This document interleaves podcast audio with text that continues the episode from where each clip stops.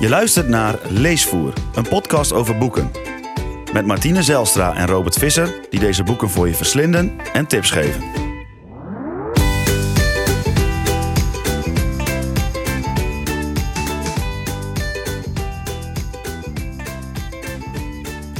Welkom bij deze nieuwe aflevering van Leesvoer. Met deze week Weetvoer, een samenwerking met Nemo Kennislink om de beste non-fictieboeken te bespreken. Deze keer is dat Strijdvaardig Leven van Pablo Lamberti. Hij vertelt ons hoe we met de hulp van Socrates, Seneca en de samurai de strijd met het leven aan kunnen gaan. Bij filosofen denken de meeste mensen waarschijnlijk aan oude mannen die gelegen op een doorgezakte sofa samen over de zin van het leven babbelen. Er komt geen sabel of zwaard aan te pas, hoogstens een snedige zin om je tegenstander mee van repliek van te dienen. In strijdvaardig leven laat Pablo Lamberti een heel ander beeld zien. Moeten we nu allemaal ons zwaard van zolde halen? Ja, wat mij betreft wel. Ja. Hoe meer zwaarden, hoe beter. Ja, wel om mee te oefenen natuurlijk. Ja, niet om, echt mee elkaar te- mee de kop in te hakken. Nee, maar ik denk dat je eh, een van de dingen. Nou ja, hij gaat natuurlijk heel erg kijken naar eh, ehm, filosofen. Dus die eh, niet alleen over het leven denken, maar ook dat in de praktijk brengen, ook doen. Hè? En je kan eh, mooie metaforen gebruiken als dat we altijd ergens voor strijden, dingen moeten overwinnen, dingen die je spannend vindt. Eh, dus ja, een voorbeeld waar je aan kan denken is dat je hoogtevrees hebt en dat probeert te overwinnen. Of dat je vliegangst hebt en dat probeert te overwinnen. Mhm. Of Ehm, nou ja, ga- ga zo maar door. Hè. Dus zo zijn er ook allemaal hele kleinere dingen die, je die je probeert te overwinnen door de, door de, door de, door de dag heen. Ehm, en er zijn allerlei filosofen die zeggen: van, ja, we moeten dingen overwinnen, we moeten onszelf eh, eh, verbeteren, of in ieder geval niet laten leiden door angst. En daardoor de strijd aangaan met het leven. Alleen deze filosofen die aangehaald worden in dit boek, die doen dat inderdaad heel erg letterlijk. Ja, want ook echt bij de, strijden. meest, de meeste mensen, ik zei het een beetje gechargeerd, maar de meeste mensen zullen bij, bij filosofen niet denken aan strijders, toch? Nee, dat denk ik niet. Zeker nu niet meer. Maar in de oudheid was dat natuurlijk best wel heel normaal. Eh, Vertel. Het, ja, nou ja, het mooie voorbeeld is, is Socrates, toch wel de, de, de vader van de filosofie, zou je kunnen zeggen. Socrates was een eh, man die leefde in, eh, in het oude Athene, in het klassieke Athene. Dan hebben we het over eeuwen voor, eh, voor Christus. Ehm, en hij, hij was vooral een prater, dus hij, sprak, heel, hij sprak met heel veel mensen. en uiteindelijk is dat opgeschreven in dialogen door zijn leerling Plato. Mhm. Ehm, en Socrates was ook een, eh, een, eh, een strijder. Dat was eh, iemand die in het leger heeft gezeten en daar ook heel verdienstelijk heeft gevochten. En daar komt ook een beetje vandaan dat hè, een sterk lichaam in een sterke geest. Dus daar Ja. zit heel erg de verbinding tussen niet alleen maar kletsen over wat je allemaal doet en niet alleen maar je geest trainen door na te denken, maar juist ook ehm, eh, eh, ja, de- de- echt het gevecht aan te gaan en te zorgen dat je heel erg sterk bent. Is dat de boodschap die de schrijver van dit boek door wil geven aan lezers? Ja, ik Denk ik, ik denk het wel. Ik denk dat, dat je. ehm, ja, ik denk het wel, maar ik, dat is ook wel een beetje een. Het is een cliché geworden. Hè? Dus het is Mhm. eigenlijk een beetje een te makkelijke boodschap om te zeggen: van nou, dat is nou het enige wat je eruit haalt. Nee. Ik, ik zou zeggen, wat ik heel mooi vind in dit boek, is dat, er, eh, dat, dat hij heel erg benadrukt dat als je gaat vechten. ehm, dat, je, ehm, dat je vooral de strijd aangaat met jezelf. En dat klinkt ook weer als een soort esoterische wijsheid. Ja, en, dat, en, dat, en dat probeer ik niet te zeggen, maar, maar te gaan vechten is een vorm van zelfonderzoek. Kun je dat uitleggen naar aanleiding van iets misschien wat je zelf hebt meegemaakt? Ja, ik, eh, we hebben wel vaker ook in deze podcast eh, verteld over dat wij allebei aan taekwondo doen. We hebben allebei eh, zwarte band in taekwondo. Ehm, dat, dat is al in zichzelf al een hele strijd. Hè? Je bent daar jaren voor aan het trainen. eh. En dat is, eh, dat, is, dat is best heftig en, en, en zwaar. En ook hartstikke mooi.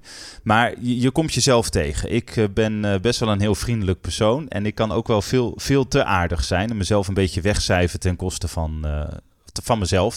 Ten, ten, opzichte van anderen. Dus dat ik liever anderen dan help. Dan... En dat je ze het naar de zin wil maken, bedoel je? Ja, ja, dat bedoel ik. En Ehm, in het geval van de dojang dat je ze geen pijn wil doen. Of? ja, dus dat kom je ook tegen op de, op de mat. Dus eh, wij hebben dan allerlei eh, bij de, in, in de dojang waar wij dan eh, trainen in, bij Ace Martial Arts hier in Rotterdam. Daar heb je allerlei verschillende lessen. En een van die lessen is combat. En combat is dus dat je echt met elkaar gaat vechten. Wel met uitrusting aan. En je denkt natuurlijk om elkaar. Je schopt elkaar niet knock-out. Maar je moet elkaar echt raken. En ook gewoon goed raken. Dat je, dat je het echt voelt. Ja. Ehm, en daar had ik verschrikkelijk veel moeite mee. En eh, veel mensen moeten daar een beetje om lachen, want ik ben heel lang. Uh, nou, omdat ik heel veel sport, ben ik gespierd. Ik ben best wel heel breed. Ik ben, ik ben bijna twee meter. Uh, ik heb allemaal tatoeages, dus daardoor denken mensen vaak uh, van, nou, die, die Robert is, uh, nou, ik weet niet of ze denken is een stoere gast, maar die, daar wordt niet vaak van gedacht van, god, het is iemand die moeite heeft om, om uit te delen. Mm. Maar dat heb ik wel heel erg. Dus ik, had, ik, ik heb heel lang gehad dat ik bij combat met men, tegen mensen moest, moest sparren. En dat ik ze gewoon amper durfde te raken. Of dat ik ze heel lichtjes raakte. Hmm. Of uh, nou, een beetje in de lucht zat te schoppen. En uh, nou, tot grote ergernis van onze instructeur. Die, uh, die nogal de wind eronder heeft. en meneer Ooms. En meneer Ooms die, die heeft mij wel eens... Die heeft mij regelmatig daar streng op aangesproken. Want die zegt... Het, het, ik snap, hij snapte wel waarom ik daar moeite mee had. Mm. Het komt bij mij ook door een, door een pestverleden. Uh, misschien even korte, korte, kort zijpad, maar ik ben vroeger uh, veel gepest. En mijn ouders waren pacifisten, dus die waren heel erg tegen geweld. Dus die vinden het ook heel gek dat ik dit nu doe. Um, maar die, ja, die, die hebben mij eigenlijk meegegeven van als er geweld dreigt, ren weg. Ja. ja. wegwezen. En uh, juist niet de tegen in opstand komen, juist niet voor jezelf opkomen. Dus Mhm.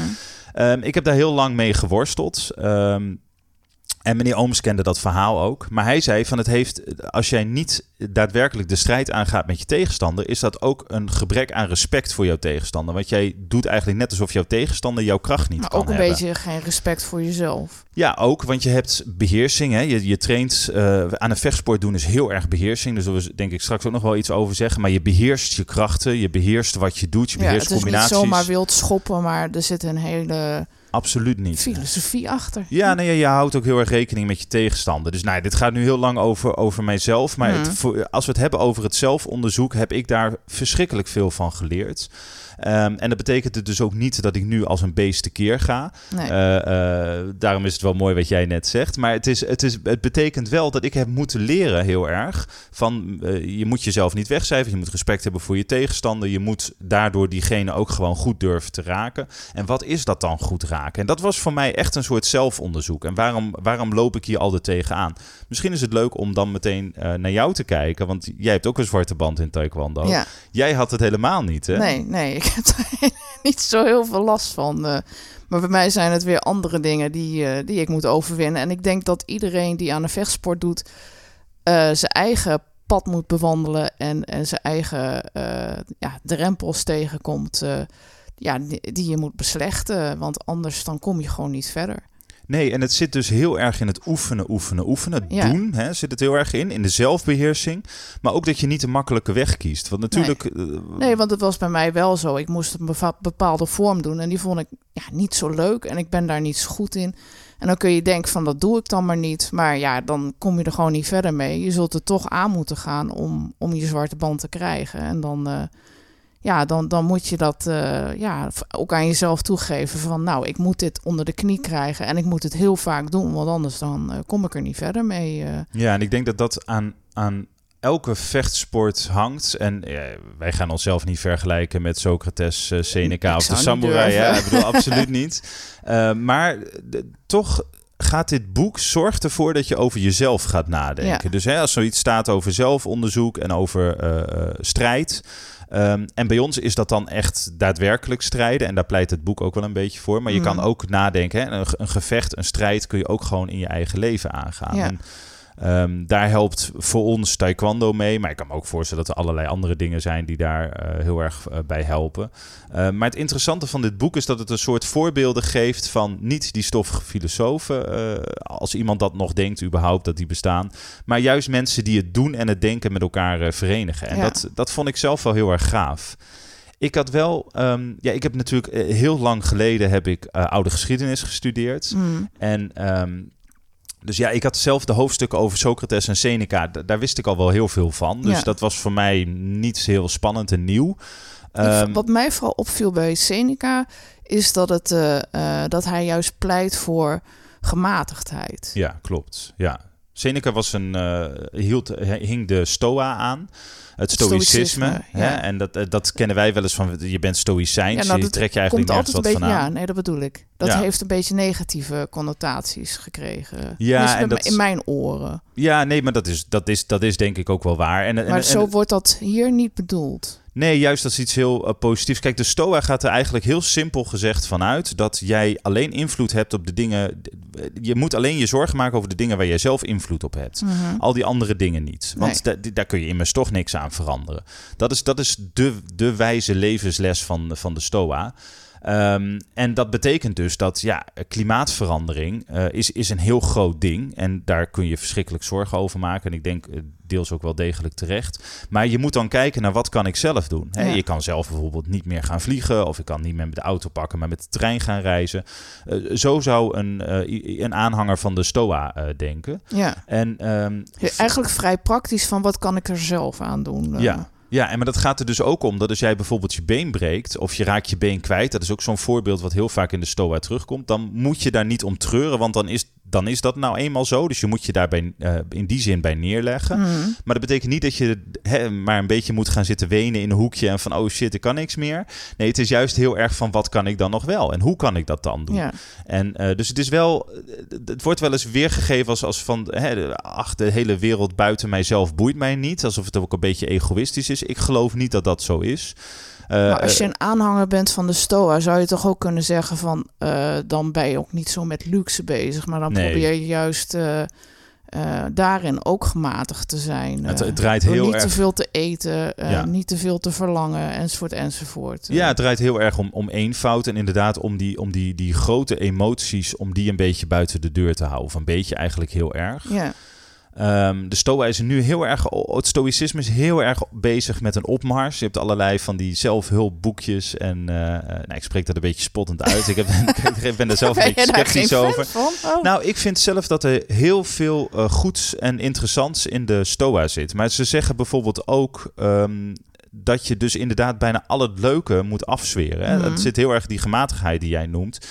Dus bijvoorbeeld je laten gaan tijdens een, een voetbalwedstrijd. Of eh, die zwarte band halen en daar trots op zijn. Of eh, eh, hey, je, je, je voltooit iets wat voor jezelf heel moeilijk is. Wat, wat ook heel erg bij het strijden hoort. Maar dat je daar niet echt blij mee mag zijn. Dat, dat ehm, vind, dat ja, vind dat haalt de- helemaal terecht. Nee, dat haalt de jeu uit het leven voor mij. Ja. Dus, ehm, en ik weet ook niet of... ik- Kijk, je had natuurlijk nog helemaal geen robots in de oudheid en zo. Niet, niet, niet dat soort ideeën. Maar daar doet het me soms wel een beetje aan denken. Alsof je alle emoties afvlakt. Ja, ja, ja. En dat vind ik... eh, persoonlijk, voor mijzelf, vind ik dat niet een hele interessante levenshouding. Nee. Neemt ook niet mee dat je voortdurend door allerlei emoties wordt eh, meegenomen. Hè? Nee. Maar ik denk je- misschien bij hele heftige dingen dat het dan eh, eh, ja, het wat kan helpen om, eh, om, om problemen mee aan te vliegen. Ja, ja dat, dat denk ik zeker. En ehm, ik heb een eh 2,5 jaar geleden heb ik last gekregen van eh eh, oorsuizen en plotsdoofheid. Nou, die Mhm. plotsdoofheid heeft zich voor een deel opgelost. Daar heb ik niet zoveel heel veel last meer van, maar dat oorsuizen dat bleef. Ehm, en dat gebeurde van de een op de andere dag. En dat, dat was heftig. Dat Mhm. was, eh, daar heb ik best een, eh, een tijd mee, eh, mee, mee om moeten gaan. Ook dat was een, was een strijd. En maar toen heb ik wel veel aan de stoa gehad. In welk opzicht? Nou ja, omdat ik daarbij dacht van... hé, hey, dit overkomt mij en dat het mij is overkomen... daar kan ik niks aan doen. Daar kan ik Mhm. ook helemaal niks meer aan veranderen. Wat ik wel wat aan kan veranderen... is hoe ik daarmee omga. Ja, En ehm, hoe je... en dan niet ermee omgaat om het op te lossen... want je, je kan het want dat niet zijn we oplossen. wel snel geneigd om te denken. Dat Ja. je naar allerlei medische ehm, ja, toepassingen gaat kijken om het probleem op te lossen. Maar dat bedoel je er niet mee, toch? Nee, want je hebt, eh, nou ja, google het maar eens. Je hebt allerlei mensen die zeggen dat je het met zuchten weg kan halen. Je hebt allerlei eh, nou, dubieuze therapieën die er eh, wat tegen willen ja, doen. je Ik ziet heb dat nooit. heftige verhalen ook. Ja, ja, ook van mensen die er niet plegen. ja. Ja, Ja. dat is wel heel vaak. Dat zijn bijna altijd mensen die ook andere eh, problemen al hadden. Dus dat is wel goed om te vermelden. Hmm. Ehm, het, het, het heeft mij verschrikkelijk veel moeite gekost om er er goed mee wel om mee te gaan. voorstellen dat het heel moeilijk is om ermee om te gaan. Het is hartstikke heftig. Het was ook heel heftig. Ja. Maar wa- wa- wat mij lukte uiteindelijk is om het eh, om, om daar. Nou, en, en daar, daarin is die vergelijking met de Stoa wel heel mooi. Om daar onverschillig tegenover het zuizen te gaan staan. En dat is heel raar, want je hoort opeens dat zuizen. Je hoort het dag en nacht. Je kan er in het begin niet van slapen. Zo denk je, hè, waarom overkomt mij dit nou? Nou, Ja. die vraag heb ik opzij proberen te zetten, want daar is gewoon geen antwoord op te vinden. Ehm, dus ik ben heel erg, eh, eh, heel erg heb ik geprobeerd onverschillig te staan tegenover het zuizen. Van het is er nou eenmaal. Weet Ja. je wel, het is er net zoals dat de, de, de, de, de lucht er is, dat de bomen er zijn, dat de adem, dat je in en uit ademt. Weet je, dat moet je ook gewoon doen. Nou, zo, is er nu ook een geluid wat, eh, wat bij mij hoort en wat ik meeneem. Ja. Nou, dat kost dan nog een hele tijd. Dus dat, hè, dat kun je bedenken Ja, dat je dat wilt doen. Maar dat, dat in de praktijk brengen is nog niet zo heel makkelijk. Nou ja, goed, dat, dat, dat, dat is uiteindelijk gelukt. Ook door heel erg door te zetten. Ehm, en dat is heel fijn, want dat zuizen zal nooit meer weggaan. Maar het, beïnvloedt mijn leven al een hele lange tijd eh, totaal niet meer. Nee. Ik, eh, ik heb wel periodes waarin, ik het, waarin het meer aanwezig is eh, dan, dan andere periodes. En dat zijn vaak de periodes waarin je een beetje moe bent of je ergens zorgen over maakt. Of toch dingen wat veranderen in geluid en zo. Ja, dingen veranderen in het geluid. Nou, wij waren in de, in de zomer op vakantie in Italië in het Como-meer. En daar had je allemaal, wat was het? Krekels. Ja. En die Ja. gingen de hele dag door. En op een gegeven moment stopte dat. En ja, dan, dan is dat zo'n ander geluid dan thuis. Dus Ja. Dan, eh, ja, dan, dan gaat het weer helemaal los in mijn hoofd. En als ik dan weer thuis kom en die krekels zijn er niet meer, dan gebeurt dat ook. Maar ook daarbij, ja, de STOA helpt mij heel erg daarbij. Omdat, het, omdat je dan denkt van, nou, ik moet gewoon rustig blijven. En dan komt het wel weer goed. En ik moet gewoon even weer wennen aan het geluid. Ja. Ik wou deze vergelijking eigenlijk helemaal niet maken, maar het is eigenlijk wel een hele mooie. En het vat denk ik ook eh, het, het ge- gedachtegoed van, de, van het stoïcisme wel eh, samen. En ook daar heb je dus niks aan grote emoties. Nee.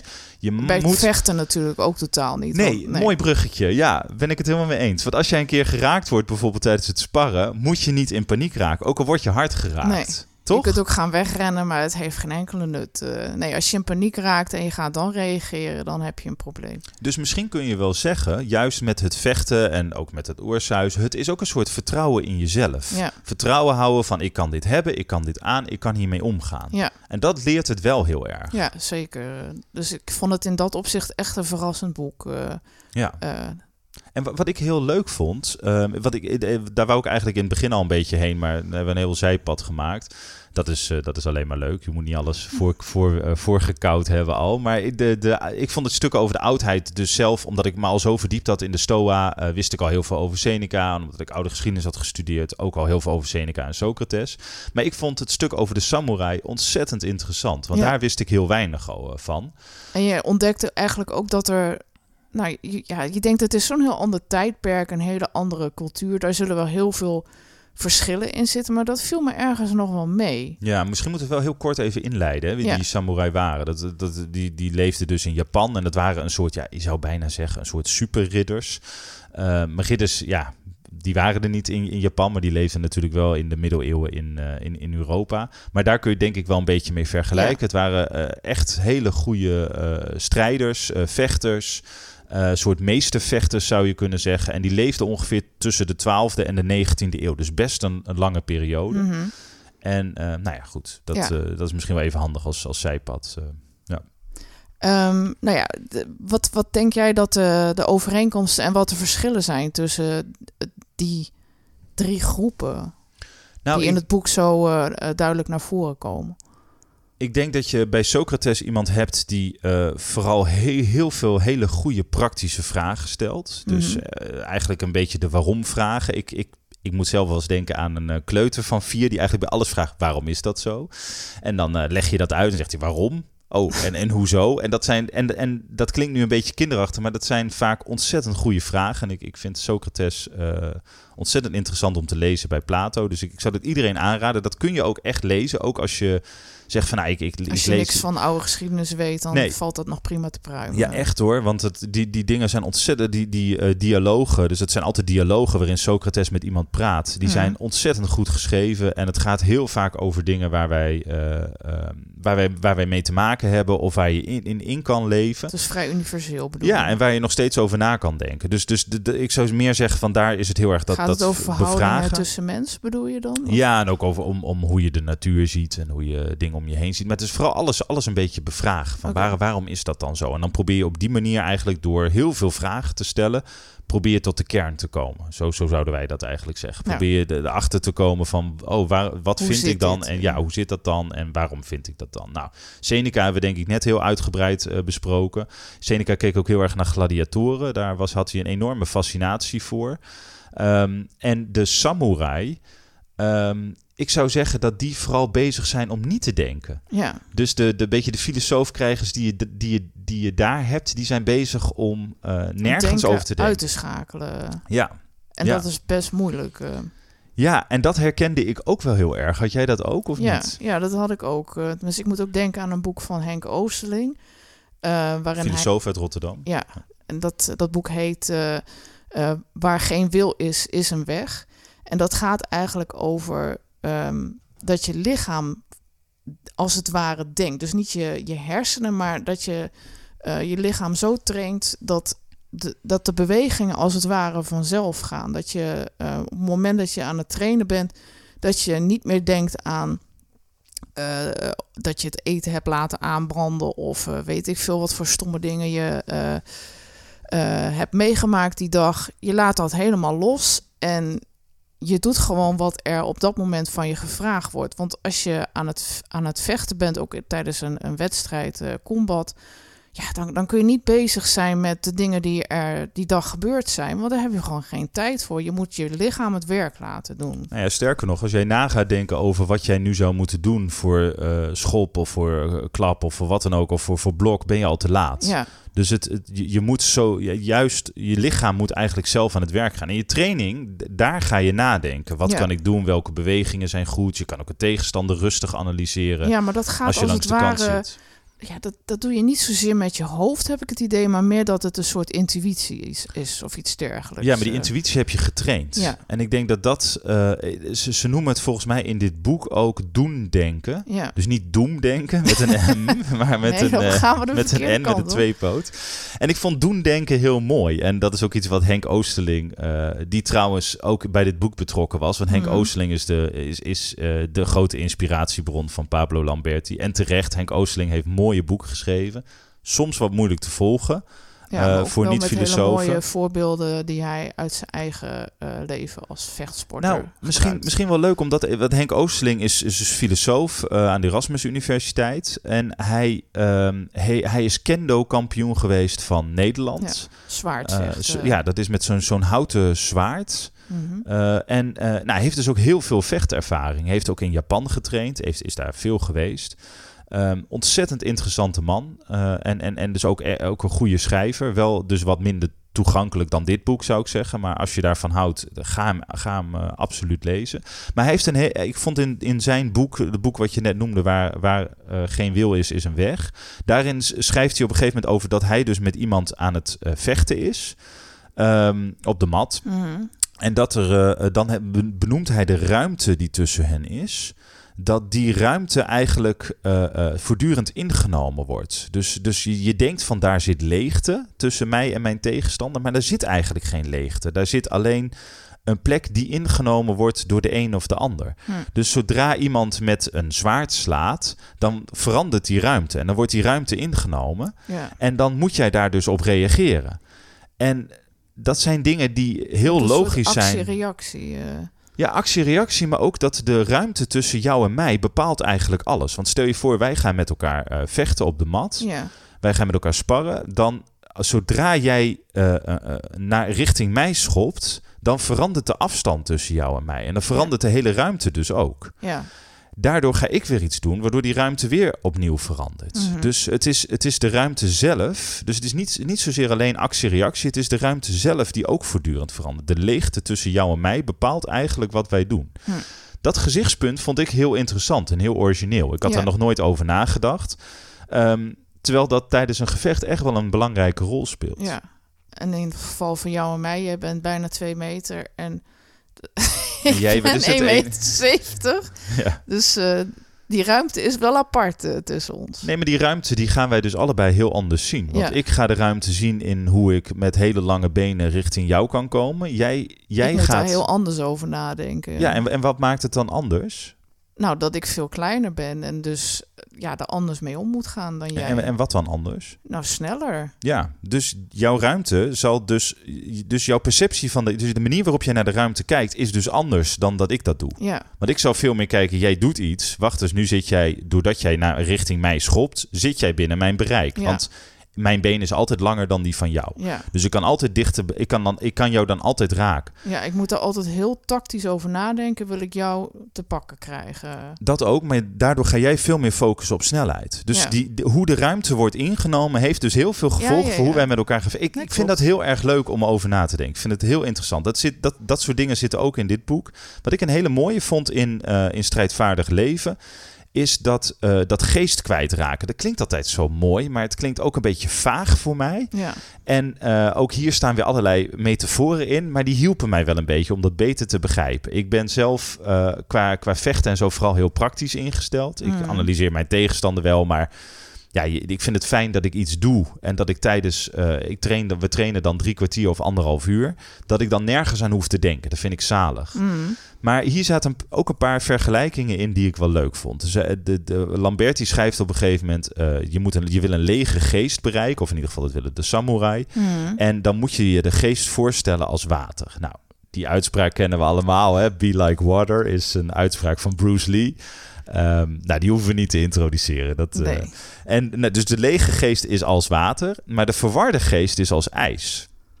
En ik vond het wel mooi. Eigenlijk Het gaat heel het erom. star eigenlijk. Ja, dus daar, eh, met, met, met een lege geest kun je je wassen, kun je je hoofd en je handen mee wassen. Daar kun je die, die, die, die stroomt als het ware overal doorheen. Mm. Dat kun je allemaal niet doen met ijs. En ijs is een soort gevangenheid. Dus Ja. zodra jij ijs maakt van jouw geest en aan te veel dingen denkt en met te veel dingen zit, wordt jouw geest eh, vast, krijgt, krijgt een vaste vorm en, je, en, je- en ja, je, je zit het eigenlijk, je, zit, je, je zet het gevangen.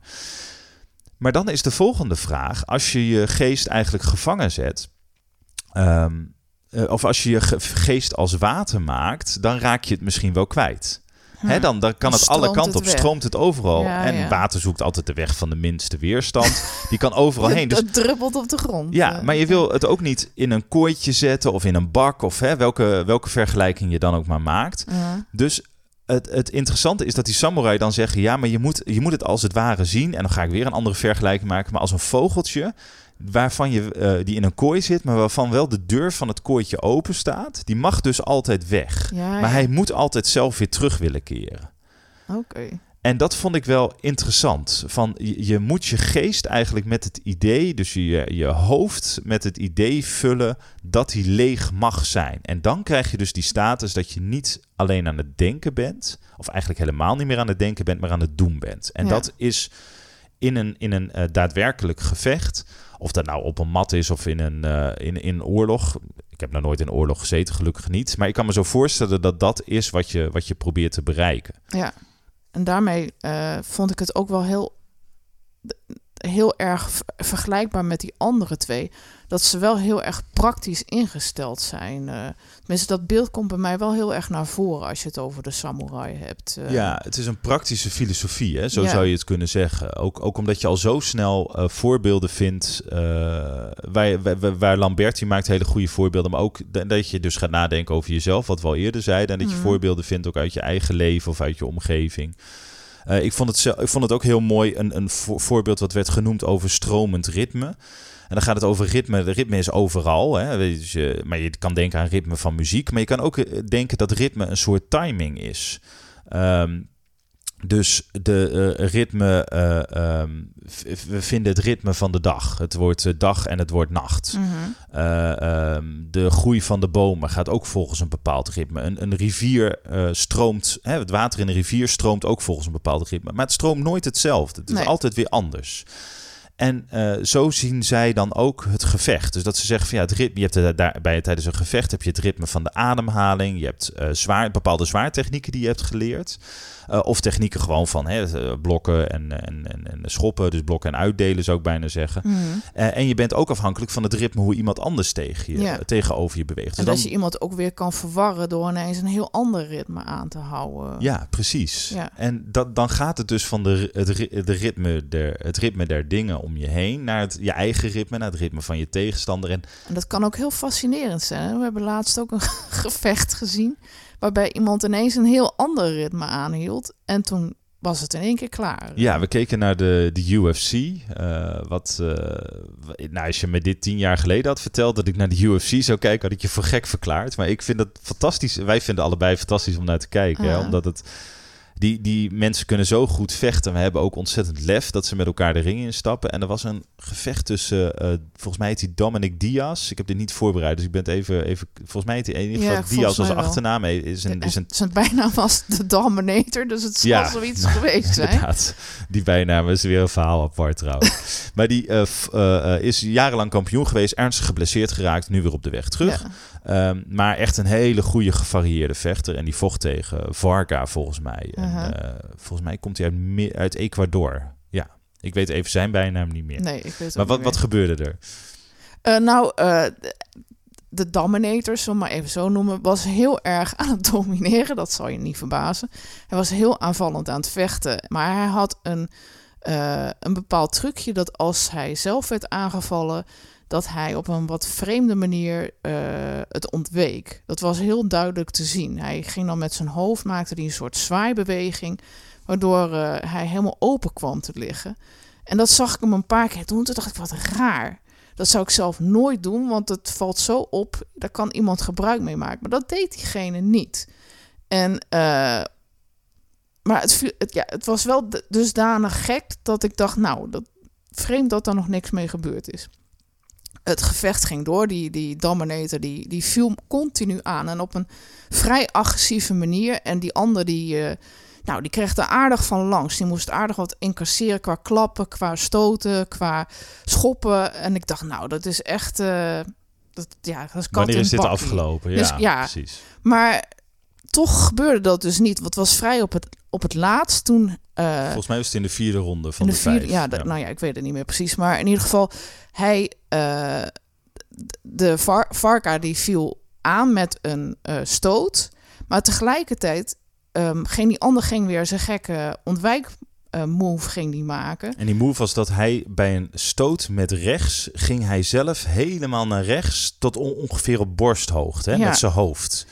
En die ander had dat blijkbaar heel goed gezien. Want normaal gesproken doe je een, eh, een stoot met je eh, linker of je rechterhand. En dan volgt als een soort tegenovergesteld iets dan eh, een schop. Ik weet niet of ik het helemaal zo goed uitleg. Maar als je bijvoorbeeld Ja, met... nee, volgens mij haal links- je nu, je haalt nu twee dingen door elkaar. Oké. Dus de, de, de, de, de, maar dat is, dat is op zich wel logisch. Wat, wat er bij Varga tegen Diaz gebeurde, was inderdaad dat eh, Varga hem heel goed las. En die stoten met rechts, als een cross noemen we dat. Mhm. En terwijl die die cross deed, ging Diaz dus zelf naar rechts. Hè? Dus de, de, de andere kant op, omdat ze natuurlijk tegenover elkaar staan. Die ging dan met zijn hoofd heel laag, wat natuurlijk super dom is. Ehm, want je wil niet heel laag met je hoofd zitten. Die Nee. wil je zo ver mogelijk bij alle ledematen van de tegenstander. Maar goed, daarmee ontwijk je dus wel die klap natuurlijk. Ja. Want die komt van, van, eh, van, van, vanuit Varga van rechts. En jij gaat dan de andere kant op. Maar Varga deed daarna meteen een schop met links. Ja. Dus schopt hem keihard op zijn slaap. Ja, En dat deed hij bijna tegelijkertijd. Waar jij het net over had, was een ander gevecht. Dat we ook hebben gezien. Oh, oké. Waarvan ik even nu niet meer weet hoe die vechters heet. En maar daar het was een vergelijkbaar was, iets. was een vergelijkbaar iets inderdaad. Daar was ook iemand die deed, iets, die deed dat ook. Die had ook een bepaalde tik waarin hij altijd op dezelfde, nou vaak op dezelfde manier ontweek. En diegene die sloeg met dezelfde hand en schopte daarna ook met dezelfde ja, hand. en dat is een ritme, dat is onlogisch ergens. ja, dus eh. ik denk dat ik het net, dat je dit voorbeeld net ook al wilde noemen, maar dat ik het verkeerd heb ingevuld. Nou ja, maakt maar dat maakt niet uit. Maar het zijn twee voorbeelden van ritme. Dus het, het, het Varga tegen Diaz is het ritme lezen eigenlijk hè, van je tegenstander. Je, Aha. je herkent dat en je past het toe. En eh, dat is bij dat andere gevecht ook. Maar dan verstoor je eigenlijk het ritme. Want je doet iets wat niemand verwacht. Nee. Je slaat met eh, rechts en je schopt ook met rechts. Ja, Terwijl het, ja, nou, ga, ga het maar eens doen. Het is heel moeilijk om dat ook te, bijna tegelijkertijd ja te doen. dus Dus het, fysiek het is gewoon heel, heel, raar. verwarrend. eh. Ja, dus, je, dus, dus dat gebeurt bijna niet. En je kan ook bij moeilijk kracht zetten. Maar dat lukte allemaal wel. En dat is dan super knap. En ja. het, het zegt ook wat over het ritme. En ehm, dat ritme, ja, je kan het op zoveel... Hè, en in, in strijd van ook als je met dingen vastloopt... Of, of er niet aan ontkomt... kan het ook heel fijn zijn om je ritme even te onderbreken. Terwijl bij deze andere dingen is het juist weer dat je... Hè, zoals met, bij mij met het oorsuis... dat je een ander ritme krijgt waar je naar luistert... ja. en er dan opeens weer last van krijgt. Dus dat, het, het ritme is ook niet goed of fout. Het doet iets. Ja. En, het, en het opmerken en op die manier ernaar kijken, dat, dat verruimt je blik. En dat eh, is denk ik het allerleukste aan dit boek. Waardoor ja, wij interpreteren het heel erg vanuit eh, taekwondo. Eh, en ook wel ook vanuit de wetenschap. Eh, Lamberti is eh, promovendus aan de, aan de UvA. Maar je, je, je kan dat, dat ritme ook zien als een soort bril waardoor je naar de wereld kijkt. Ja, dus in dat opzicht heeft het niet alleen voor mensen die van vechtsport iets uh, te betekenen, maar ook gewoon voor, al, ja, voor iedereen in het hele leven. Ja, dat denk ik wel. Ja, ja. Maar ik denk wel dat wat, wat dit boek heeft wel degelijk een boodschap. Je zou het ook wel een beetje als een pamflet kunnen zien, toch? Ja, ja. ja, nee, maar het, het gaat wel. Het is niet voor niks dat hij zegt van uh, Lamberti, de auteur, dat, dat, dat hij zo benadrukt van het zijn mensen die niet alleen praten over hoe je het moet doen, over, hè, die niet alleen filosoferen en een beetje, uh, nou, een beetje heel erg daarover nadenken, maar het zijn ook mensen die het uitvoeren. Ja. Dus die ook echt dat sterke lichaam uh, en een sterke geest hebben en dat met elkaar combineren. Dus daar pleit het wel heel erg voor. Ja, ja. dus dat als er een pamflet te schrijven valt, een hele korte uh, samenvatting van dit boek, dan zou het dat zijn. Ja, dat denk ik wel. En dan zijn we weer terug bij het begin eigenlijk. Ja, waarmee we zeiden met die samenvatting doen we het boek tekort. nou, dat, dat is wel nou, mooi. we hebben wel genoeg verteld om te zeggen dat het uh, geen hele korte introductie was. Uh. Nee, ik heb wel wat ik, wat ik zelf wel interessant vond. Ik heb het boek aan mijn uh, leermeester gegeven van Taekwondo, meneer Ooms. Uh, ik heb het eigenlijk aan de hele school gegeven. Met als, uh, uh, als, als blijk van waardering voor, voordat ik mijn zwarte band heb gehaald. Dus ik dacht van nou, vind ik wel leuk. Dan ligt dat boek daar en ik heb er wat ingeschreven. Omdat je juist ook, het lijkt wel alsof je zelf zo'n zwarte band haalt. Maar je, je leert juist heel veel. Dat is denk ik nu wel duidelijk van iedereen. Dus mm. van je instructeurs, maar ook heel erg van de mensen met wie je vecht. Of ja. die nou een hogere of lagere band hebben, doet er niet zoveel toe. Nee. Je leert daar verschrikkelijk veel van. Um, maar meneer Ooms, die, uh, ik, overhandigde het boek aan hem en hij, hij, nam me meteen mee en hij zei, die ga ik lezen. Maar dat een beetje ingepikt, hè? Ja, ja, en hij zei nu van, ik vroeg nou van, gisteravond uh, had ik les en toen dacht ik, vraag even aan hem hoe ver die is. Maar toen zei hij, ja, het, het is wel zware kost. Hij vond het wel uh, moeilijk om er, om er, vond het wat moeilijker om er doorheen te komen. Dat hadden wij allebei wat minder. Ja. Maar daardoor... ik kan me er wel wat bij voorstellen dat je dat zegt. Ja, ik denk daardoor wel dat het een boek is. Uh, jeetje, maar dat is wel een fout cliché. Om te zeggen dat je er ook een beetje voor moet strijden om er doorheen te komen. Ja. Uh, vergeef me dat, die flauwe vergelijking. Maar het is, het is, het is goed geschreven. Het is, het is gewoon niet makkelijk. Uh, maar het staat wel vol met mooie voorbeelden. Dus Lamberti heeft wel echt zijn best gedaan om het toegankelijk uh, te maken. Ja. Um, en ik vind dat juist de dingen die altijd heel makkelijk zijn, zijn vaak niet zo leuk. Dus juist de dingen waar je voor moet strijden, waar je, waar nee, je want dan hè, kom je weer bij de zelfhulpboekjes en ja. daar uh, hè, ja, en dit hou is, jij niet zo van. Nee, en dit nee. is dus absoluut geen zelfhulpboek, maar het geeft je wel een goed beeld van, uh, van, van, van die, drie typen filosofen eigenlijk. Hè? Dus die, die samurai, Seneca en uh, Socrates. En ik denk dat je daar heel goed iets van leert. En dat het ook gewoon hartstikke interessant is. Dus ja. misschien moet je er wel, dan moeten we er wel even als een soort disclaimer bij zetten. Het is niet het makkelijkste boek wat we hebben besproken hier uh, in onze podcast. Nee. Maar het is wel één waar je, waar je heel veel uithaalt. Ja. En zeer de moeite waard. Als je nou nog verder wil lezen over dit soort onderwerpen, wat zou je dan aanraden? Ja, ik zou uh, Henk Oosterling, hebben wij al genoemd. Ik zou zeker Henk Oosterling aanraden. Um, ik vind dat hij, uh, maar dat is misschien nog wel een gradatie moeilijker. dus uh, ja. ik zou zeggen dat als een soort volg, volgende, ja, volgende stap. Ja. Um, ik, zou, uh, ik zou heel graag mensen willen aanraden om Socrates te lezen, uh, of om Plato dus te lezen. Um, wat ik heel interessant vond is, en dat boek hebben we volgens mij al een keer besproken. Hè? Why De, We Fight. Why We Fight van Josh Rosenblatt. Uh, bevat ook heel veel wij, verwijzingen naar de wetenschap. Mhm. Daarin gaat over een, een man die van onze leeftijd is. Tegen de, volgens mij is hij net, was hij net iets jonger, maar nou, rond de 40. Ja. En die zelf ook gaat opeens dat vechten ontdekt. Mhm. En hij stapt daadwerkelijk de ring in. Uh, dat doen wij ook wel, maar dan met bescherming aan. Maar hij echt zonder bescherming. Om Ja. echt als een MMA-vechter, dus zo'n zo'n UFC-vechter uh, tegen hij, mensen te hij, knokken. Hij uh, vertelt het meer vanuit biologische. Ja, en ook wel wat er in je hersenen gebeurt. Hè? Ja. Er zit ook wel veel neurowetenschap aan. Dus wat, wat, wat hoe, hoe- ja, het is, het is niet zozeer filosofisch, maar inderdaad meer van hoe zorg je voor spieropbouw, maar ook wel van Ja, wat, wat gebeurt er als er in je iemand je slaat. lichaam, eh, ja. ja. Ja, ja hoe, welke gevolgen heeft dit allemaal voor je lichaam? Ehm, ja, verder moet ik denken aan de boeken van Alex Bogers. En eh, dat is wat mij betreft eh, de beste schrijver van Nederland. Eh, Alex Bogers heeft onder meer het waanzinnige van Sneeuw geschreven. Over, wat gaat over vechtsport en het sterkste meisje van de wereld. ja, dat is literatuur, hè?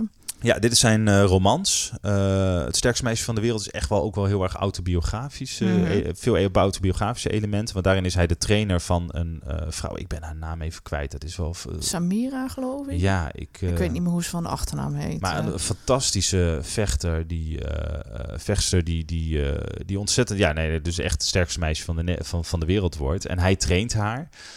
prachtig boek. Waanzinnig van sneeuw. Ook waanzinnig mooi. Uh, nou ik zei net al, ik, anders ga ik weer alleen maar in superlatieven praten. Het is een beetje, maar Alex Bogers lees hem. Het is rauw, het is ruw, maar het is geschreven vanuit het hart. En uh, het is een heel originele en, en goede schrijver. Dus ja, ik denk dat dat de, de, de mooiste tip is. Het heeft niet zoveel met wetenschap te maken, maar wel alles met vechten. Ja. Um, en je bent ook begonnen in een Japans boek. Kun je daar al iets over vertellen?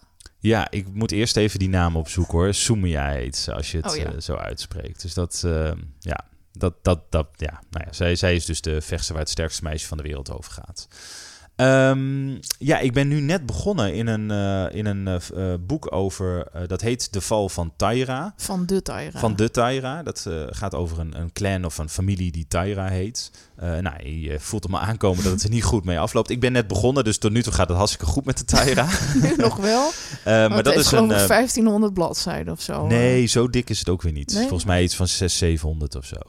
Het uh, komt uit de 14e eeuw. Uh, en het is uh, net zoals de Odyssee en de Ilias, is het echt een, een, een epos, ja, een epos over wat, wat vroeger werd verteld, dus door mensen die op muziek dan, dan een verhaal vertelden. Mm -hmm. um, en uh, nou ja, dat is op een gegeven moment opgeschreven. En uh, Jos Vos is de vertaler van dit boek. Uh, en die, die, die, heeft dit, die heeft dit in het Nederlands vertaald. En ja, ik ben tot nu toe op bladzijde 50 of zo. Het is heel interessant. Ik vind het heel leuk om te lezen. Het is een hele andere wereld. Maar het is, het is, ja, het is wel goed. het, is, het is goed beschreven en het is interessant. Maar ja, na 50 bladzijden kan ik geen recept nee, dus, geven. Dus maar, dat vertellen we dan een andere keer nog weer. Ja, lijkt me een goed plan. Oké, okay, tot de volgende keer. Doei. Doei.